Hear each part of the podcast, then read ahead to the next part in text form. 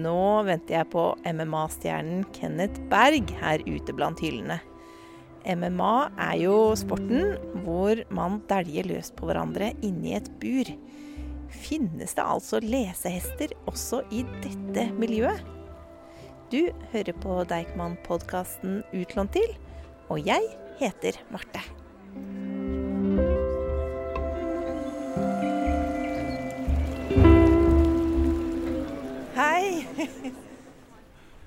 Marte. Kenneth, hyggelig. Hei. Jeg kikka til han med tatoveringer. Ja, da falt han. Det er ikke så. Ja.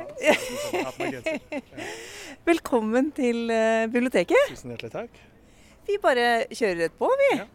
Eh, hvilken bok er det mm, vi skal finne i dag? I dag er det Haruka, Haruki Murakami, beklager, Kafka på stranden. Fantastisk. Da går vi opp, og så sjekker vi om vi klarer å finne boka. Ja, Skal vi se Da eh, skal vi jo på M. Skal vi se Murakami. Oh, da tror jeg faktisk, hvis vi bare snur oss her Navnet Mailer. Jeg er bare veldig dårlig til å lete, jeg. Skal vi se. Jeg pleier å stå sånn i altfor lang tid, og så pleier jeg å spørre de som jobber her, kan det være sånn å hjelpe meg å finne Ja. en bokkjøp? og så ser de den med en gang, selvfølgelig. Bortover her. Der begynner rasjetting. Der fant jeg den. Oh, Ja. ja. Fantastisk. Mm. Der har vi Kafka på stranden. Nydelig med da eh, selvfølgelig katt. I pocketutgave. Ja, Mhm. svart katt og mann med hatt og paraply. Hvem, eh, hvem er det, tror du?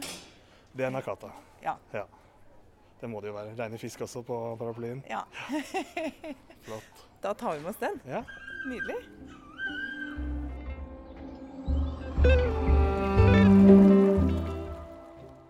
Men spør du meg, så ville det ikke vært så dumt å tenke litt over det der med skyggen. Kanskje den har komplekser. Hvis jeg hadde vært skygge, ville jeg ikke vært så happy med å bare være halv. Vi snakker om en gammel mann som virker eh, som en vanlig gammel mann. Etter hvert så skjønner man at han kanskje er litt enklere, kanskje, om man skal bruke et eh, sånt uttrykk. Og så finner vi ut at denne mannen, eh, som virker som en snill, men enkel mann, han kan også prate med katter. Og så skal han finne fram til en skilpaddefarget katt, og på veien dit så må han snakke med andre katter, som han selvfølgelig gjør. Og så begynner han å snakke med denne katten, Otsuka. Og eh, som at det ikke er rart i seg selv at han står og snakker med en katt, så kommer de også fram til at skyggen, altså skyggen som man kaster fra kroppen, den til eh, Nakata da, den er halv. Den er ikke like sterk som andre menneskers. Og det har selvfølgelig Nakata også tenkt over. Ja, det stemmer det. Den er litt rar. Og da sier jo eh, da dette med at jeg hadde ikke vært så happy om skyggen eh, min bare var halv. Så dette må han løse. Og um, det er det jeg liker så godt med Murakami, fordi jeg får det ikke fram så godt nå, da, men det dreier seg om en verden som er veldig spesiell. Man kan tenke seg eh, kanskje ikke en parallell, men en slags bro til Gabriel Garcia Marquez og magisk realisme. Men det føles allikevel ikke som at det er unaturlig. Det bare stemmer. Ja, Nakata kan snakke med katter. Det kan han vel. Og så får vi personlighetene til kattene han prater med. Ja, men det er klart de har ulik personlighet. Det er helt naturlig. Og så får vi inn det her da at katten påpeker noe som også er helt merkelig. Men dette har Nakata også vært klar over. Ja, skyggen er eh, halv. Og så får man da spilt opp en, en volleyball til noe som bare OK, men jeg må jo vite hvordan det her går. Jeg må vite hva som er med den skyggen. Og så føles det bare så naturlig. Han legger det fram så Jeg vet ikke om det er riktig engang å si likefrem, men det er, det er så naturlig, vil jeg si.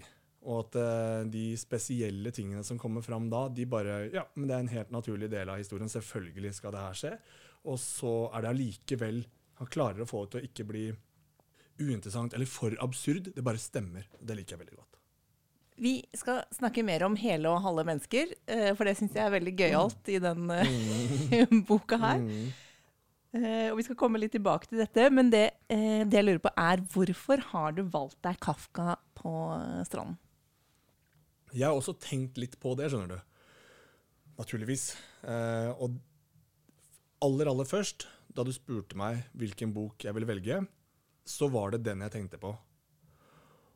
Og det er ikke fordi at det er verdens beste bok, nødvendigvis. Jeg liker den veldig godt, og så er det en del ting jeg ikke liker ved den.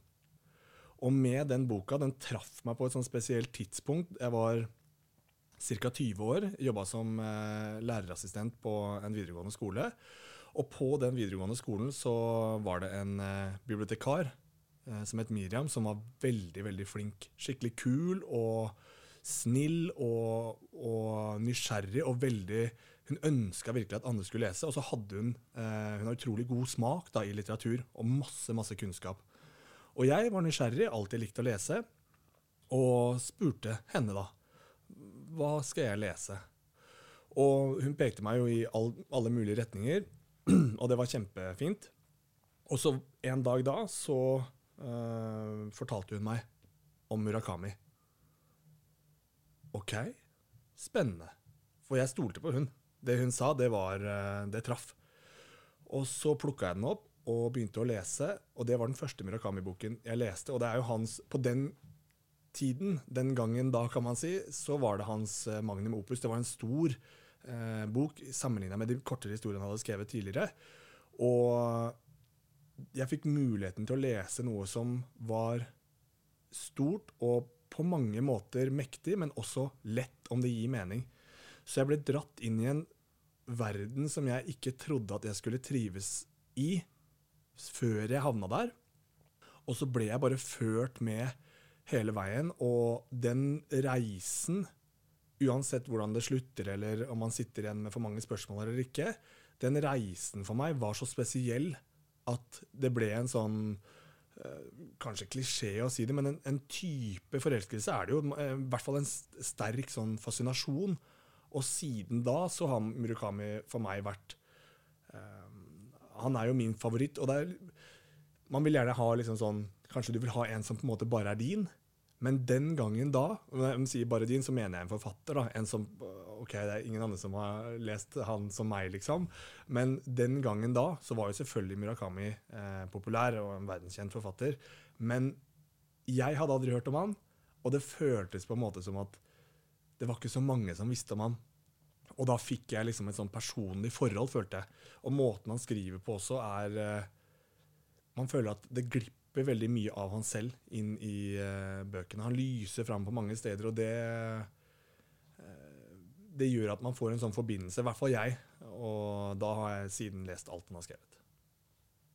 Den er jo eh, Den har jo en veldig absurd og rar handling. Hvis man kan Det må si man det. kunne si. Ja. Klarer du å si hva den handler om? Jeg vil si at de hovedpersonene man har, representerer retninger. Og du har selvfølgelig Kafka Tamura.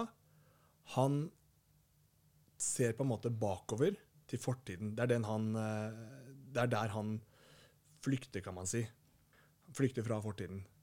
Nakata han søker etter noe, så han skal fremover. Og så har man eh, Saki, som er stillestående. Hun er fanget i et øyeblikk. Og det er ikke så viktig om det er fortid eller, eh, eller fremtid, men hun er fanget. Hun er stillestående. Og så har du min tanke, Hoshino, som egentlig ikke er en hovedperson, men som blir det fordi at han stikker seg sånn ut. Han er den som utvikler seg underveis, syns jeg, da, aller mest. Og hvis man skal snakke om i hvert fall følelser i forhold til handling, uten å avsløre for mye handling, så syns jeg det er det vi snakker om da. Da snakker vi om retninger og utvikling. Men selve historien, så er det jo en 15 år gammel gutt, Kafka Tamura, som flykter fra eh, faren sin, som han har et veldig dårlig forhold til.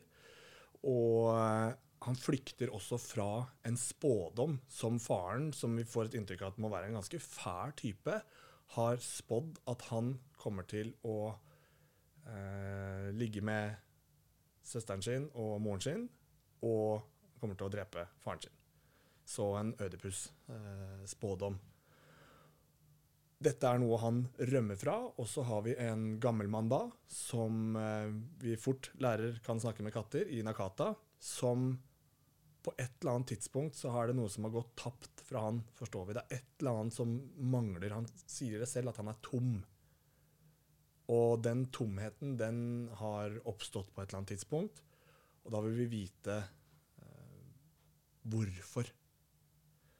Og så har vi da en eh, Da går vi jo lenger ut i historien, da. Men eh, vi har Saki, som da har en forbindelse til disse to.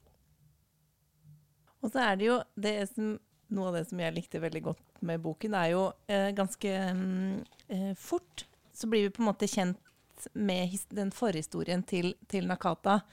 Nå får du bare korrigere meg hvis jeg krigen, sier noe feil. Vi skal til andre verdenskrig. Mm. og hvor det da er en eh, skoleklasse som er eh, på tur. 16 eh, stykker. Og hvor alle elevene bare svimer av blir det beskrevet som. Mm. Eh, og dette får vi vite gjennom noen sånne hemmelige papirer som Murakami da presenterer eh, for oss.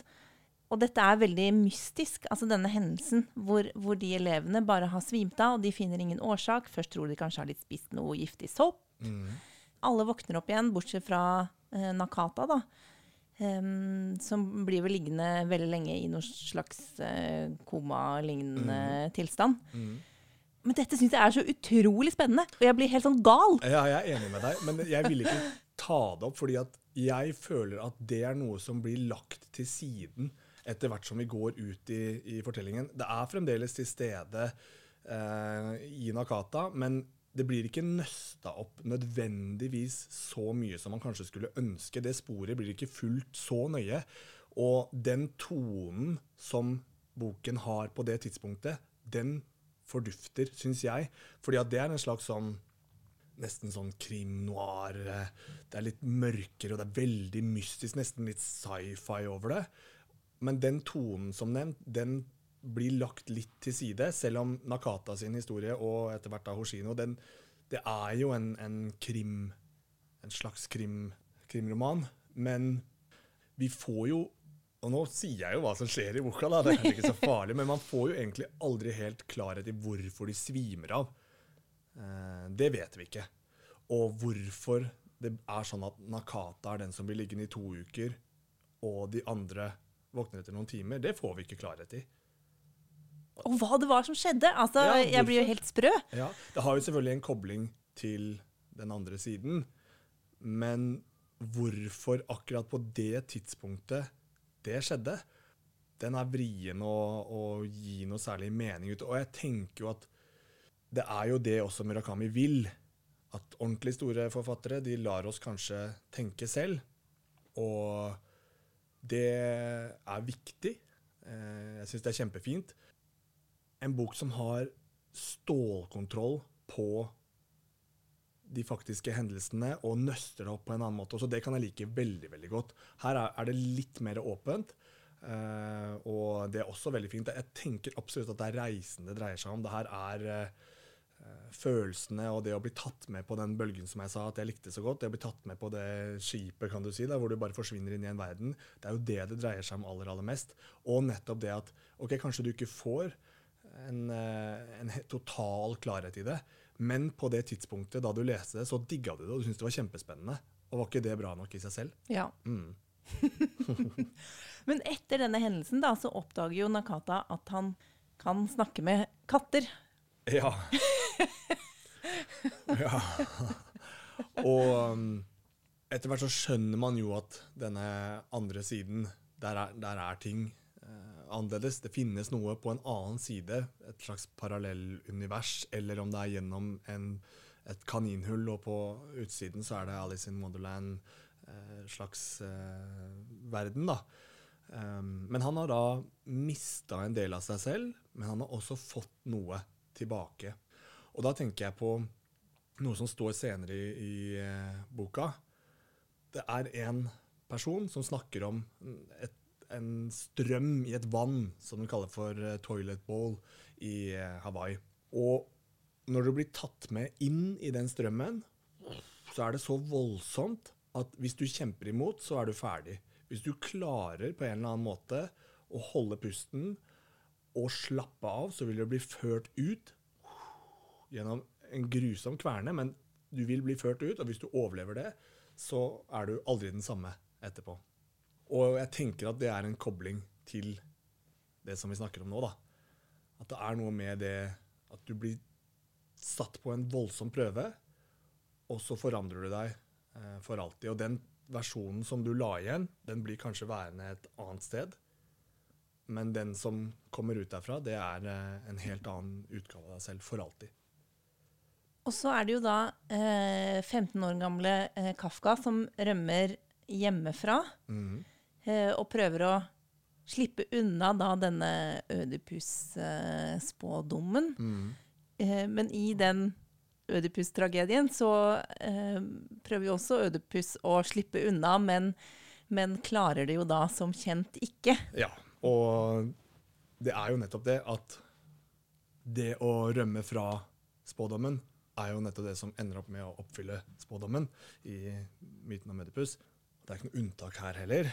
Eh, men det foregår jo også på en annen måte. Eh, det er en blanding av noe ekte, noe som tar sted, og så er det en drømmeverden der ting også kan skje, men at det fremdeles har noe fysisk over seg, noe virkelig over seg.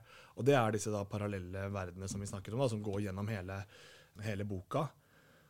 Og der er også man inne igjen på det her med at det er veldig fint og enkelt skrevet, men det er også veldig komplekst. Det er mye du skal prøve å forstå. Du må tenke hele tiden. Du blir nysgjerrig, og det syns jeg også er veldig gøy. Og noe av det jeg liker aller aller best med det her, er at mens man er med på den reisen, du vil vite hva som skjer, du vil vite hvordan ting fungerer, hva, hvorfor er det sånn, hvor skal vi, så kommer det også inn betraktninger fra eh, karakterene, hvor de, de lar oss eh, lære noe samtidig. Det er noe det jeg digger faktisk aller, aller mest med Murakami. Jeg synes at han eh, Jeg har fått mange tips, kan du si, til andre bøker og andre forfattere gjennom Murakami. Og så refererer han til klassisk musikk, han refererer til altså forfattere, den type ting. da. Det er kjempeinteressant. Men ligger Kafka med mora si, tror du? Eh, Det er jo også en av de hva skal man si, de skillepunktene. Og det er en parallell da til de parallelle verdenene. Vi kan sammenligne det at det finnes to verdener, med det han også sier i boka om hypoteser og antiteser. Og at hvis en hypotese ikke har en antitese, så står hypotesen for seg selv, men det er ennå ikke blitt motbevist. Og det Saki motbeviser aldri det han sier, men Kafka Tamura har heller aldri fått hypotesen sin eh, bekrefta, kan du si. Så den er heller ikke gyldig. Så vi vet ikke om han egentlig gjør det. Du hadde jo et eh, avsnitt til som Ja, du skulle stemmer. lese. Og det her er noe av det jeg var inne på tidligere også, som jeg liker veldig godt. Men her har vi da Oshima, som eh, forklarer til eh, Tamura. De sitter og, og prater sammen, og så snakker han om eh, Schubert og eh, en av hans pianosonater. da. Å gi en fullkommen fremføring av Frans Schuberts pia pianosonater er noe av det vanskeligste som fins. Spesielt denne her, den i D-dur. Den er eksepsjonelt vanskelig. Det fins noen få pianister som klarer å spille én eller kanskje to satser nesten helt perfekt, men å spille alle fire satsene etter hverandre og samtidig gi hele sonaten et enhetlig preg, det er det så vidt meg bekjent ingen som har fått til. Det er mange berømte pianister som har prøvd seg, men det finnes ikke én fullkommen innspilling. Ikke en eneste innspilling som får deg til å stoppe opp og tenke 'der'. Hva tror du årsaken til det er? Og da går han videre og forklarer at det er fordi at sonaten er ufullkommen, øh, og at det er akkurat den ufullkommenheten som har en dragning på enkelte mennesker. Og han sammenligner det med en av de litterære verkene som Tamura da nylig har lest i eh, biblioteket til Saki. Og der snakker man om en bok som heter 'Bergmannen' av Sosekis, eh, som også hadde det samme ufullkomne med seg. En person som drar og jobber i, som en bergmann, rett og slett, jobber i fjellene, og så skjer det noe med han, og forandringen er ikke forklart på noen måte. Det er noe som mangler bare, men at det er det som likevel trekker deg inn, da. Og det er noe av det som i seg selv så er det jo interessant. Det er veldig interessant det han snakker om, om Schubert. Og hvis man ikke har peiling, eller si at du er 20 år gammel og du vet ingenting om klassisk musikk, men du har kanskje hørt om Schubert, og så får du vite den type ting. Og Murakami har sinnssyk peiling på klassisk musikk. Han har skrevet en egen bok om hans betraktninger rundt en spesiell komponist spesielt, uh, og intervjuet med, med den personen. Og det er en troverdighet når han snakker om det òg, uten at det blir for Om man skal bruke ordet jålete, eller eh, Han prøver ikke å virke viktig, føler jeg, da. Jeg føler at han eh, Alle bøkene jeg har lest, så jeg skjønner at han er genuin. Han, han liker han elsker jazz, han elsker klassisk musikk. Det er ikke noe sånn der, eh, Han prøver ikke å vise seg fram, da. Eh, og det liker jeg veldig, veldig godt. Og da får man lære noe som jeg vanligvis, antageligvis, ikke ville oppsøkt. Og jeg ville heller ikke kommet over det bare sånn naturlig. Men her har vi en person som jeg har lært meg å like i boka, som forteller meg noe. Og vi er fortsatt i den samme tonen, og det bare bom, det fester seg. Men jeg, jeg lurer litt på, fordi du har jo et litt spesielt uh, yrke. Mm. Det kan man si. Det kan man si. Og du driver med MMA, som Mm. det heter. Hvor man er inni et bur og slåss. Ja, riktig. Ja. Sånn som jeg har forstått det. Ja. Og altså, er det lov i Norge? Nei, det er ikke lov å konkurrere profesjonelt eller som amatør i Norge. Så vidt jeg veit, så er det jo lov nå med noe eh, slags sånn treningskamper av noe slag, men det er ikke lov. Men det er jo veldig Man kan i hvert fall si det er litt sånn eh, røft, da. Det vil jeg absolutt si. Det er nok verdens tøffeste idrett. Eh, eller det er verdens tøffeste idrett. Det fins boksing og sånne ting, kjempetøft, og bryting og sånne ting, kjempetøft, men her gjør du absolutt alt. Du har minimalt med utstyr. Det er bare noen tynne hansker som egentlig bare gjør det lettere å slå hardt mange ganger uten å knekke hånda si. Og eh, det er tre ganger fem minutters runder, hvor mer eller mindre alt er lov, med noen få begrensninger. Men hvis du snakker om å bare bruke kroppen sin, eh, så er nok det det mest ekstreme som fins. Men da ser jeg for meg liksom ganske maskuline menn, Mm, hvis, hvis det er lov å si. ja.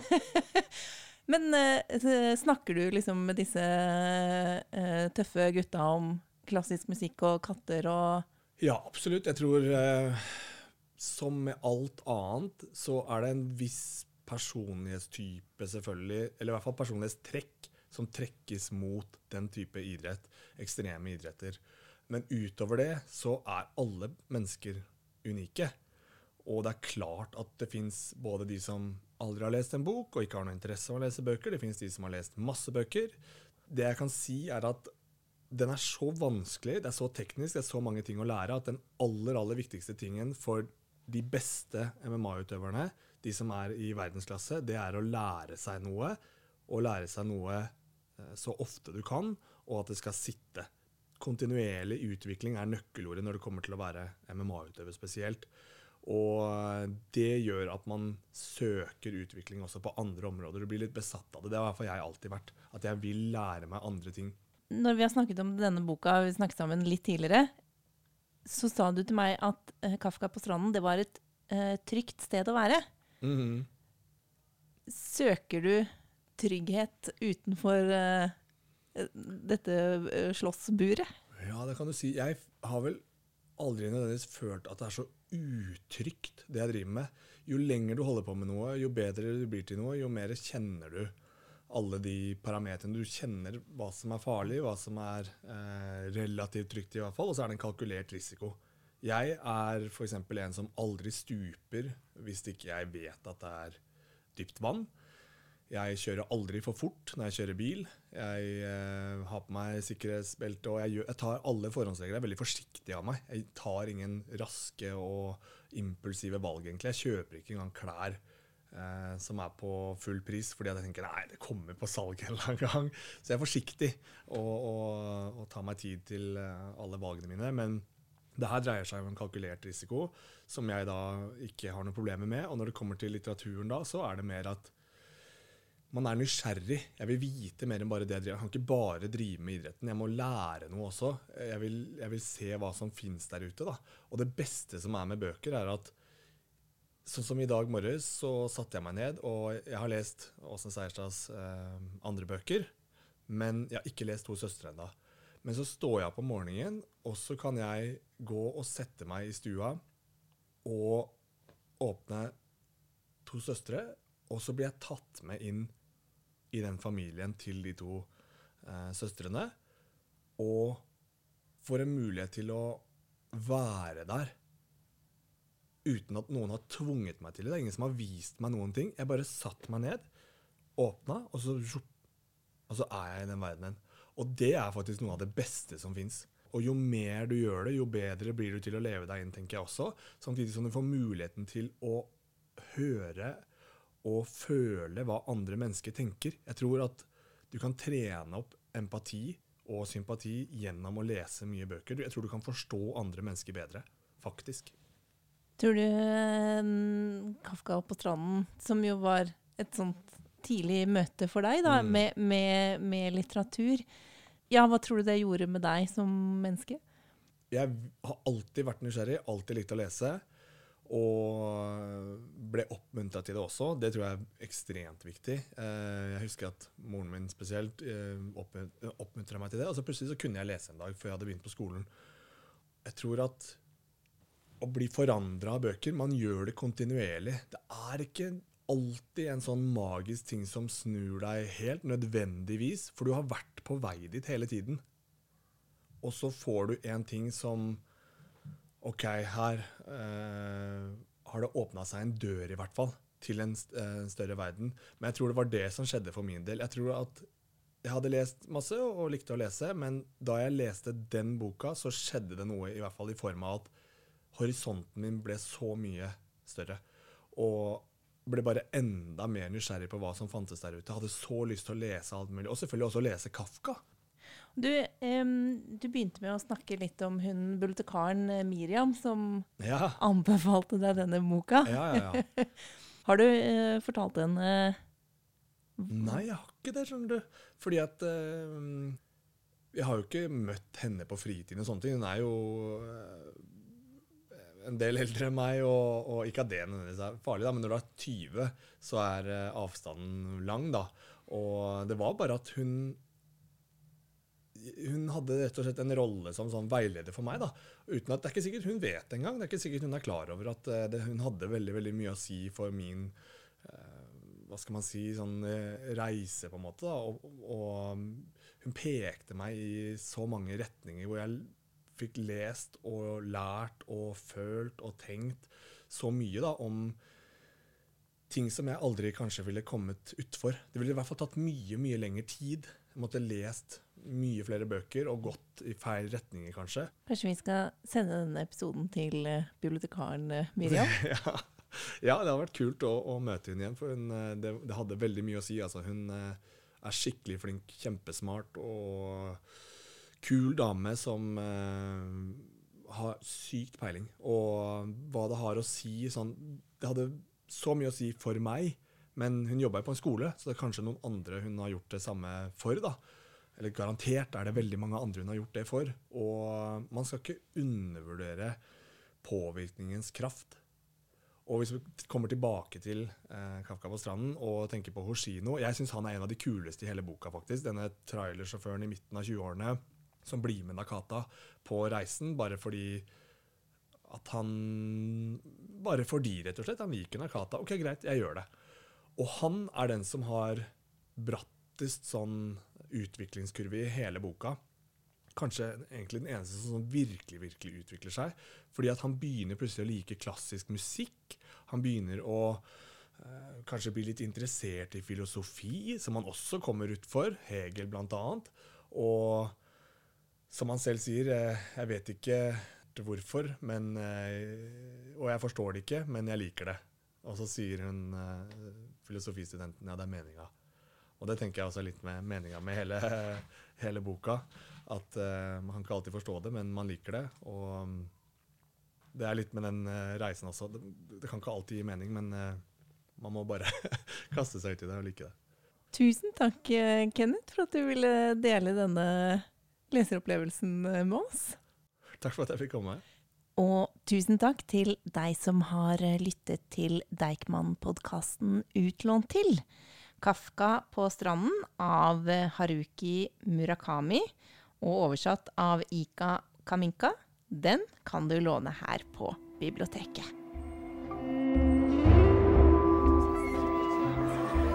Thank